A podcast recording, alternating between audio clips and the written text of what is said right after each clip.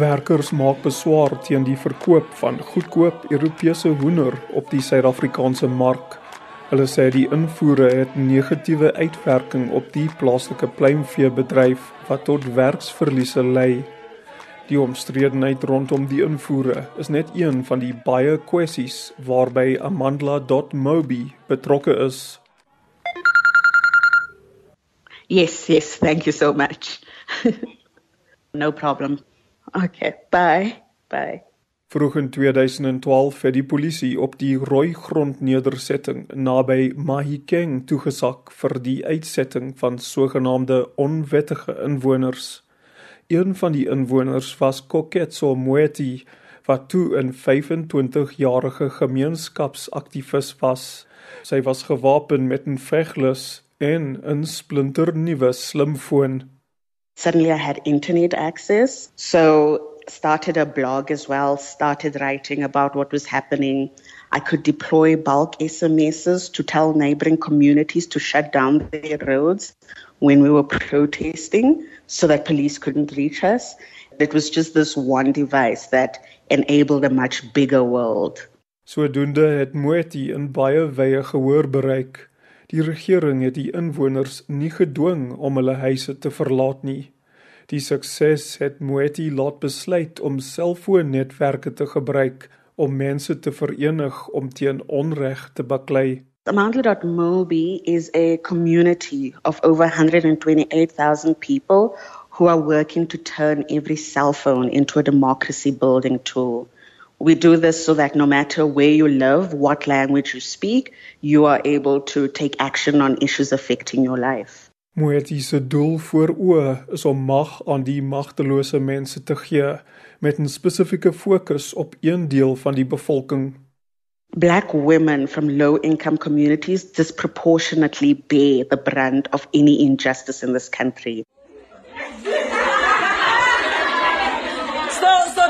will not leak. It will not. Skoolmeisies guggel in 'n klaskamer in Limpopo.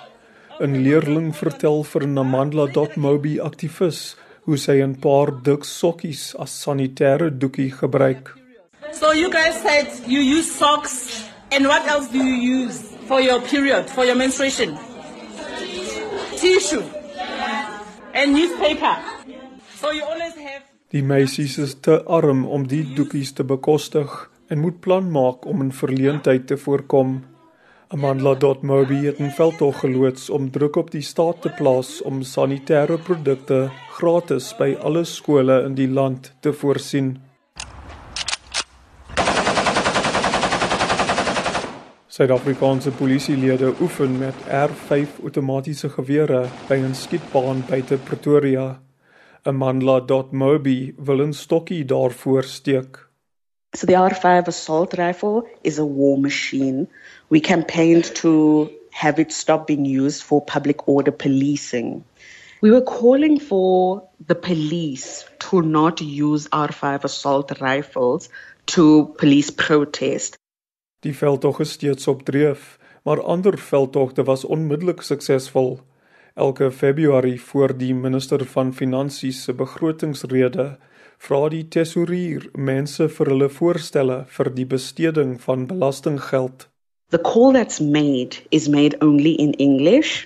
It's accessible only to those who are able to access the internet and also you can fax it or post it which just makes it very cumbersome. So what we did is we took the treasury form and made it mobile friendly so people could fill in their recommendations, their suggestions.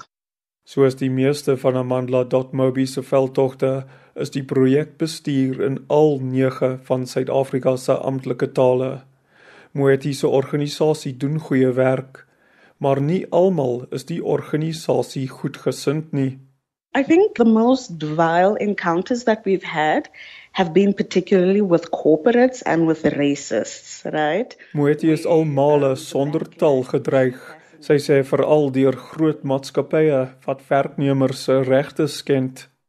Corporates in particular know that they have much more resources than an organization like ours. So for them to even suggest just lawsuits and things like that, there's an assumption that you are going to back down because you don't have as much resources. Maar van handdoek ingooi is daar vir Moeti en haar kollegas nie sprake nie.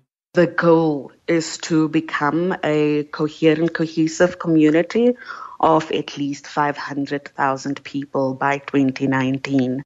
Moeti sê sy weet sonder twyfel dat gebeure in die nuwe jaar vir almal by amandla.mobi besig gaan hou, veral weens die onstuimigheid wat op die vlakke van die politiek en onderwys heers.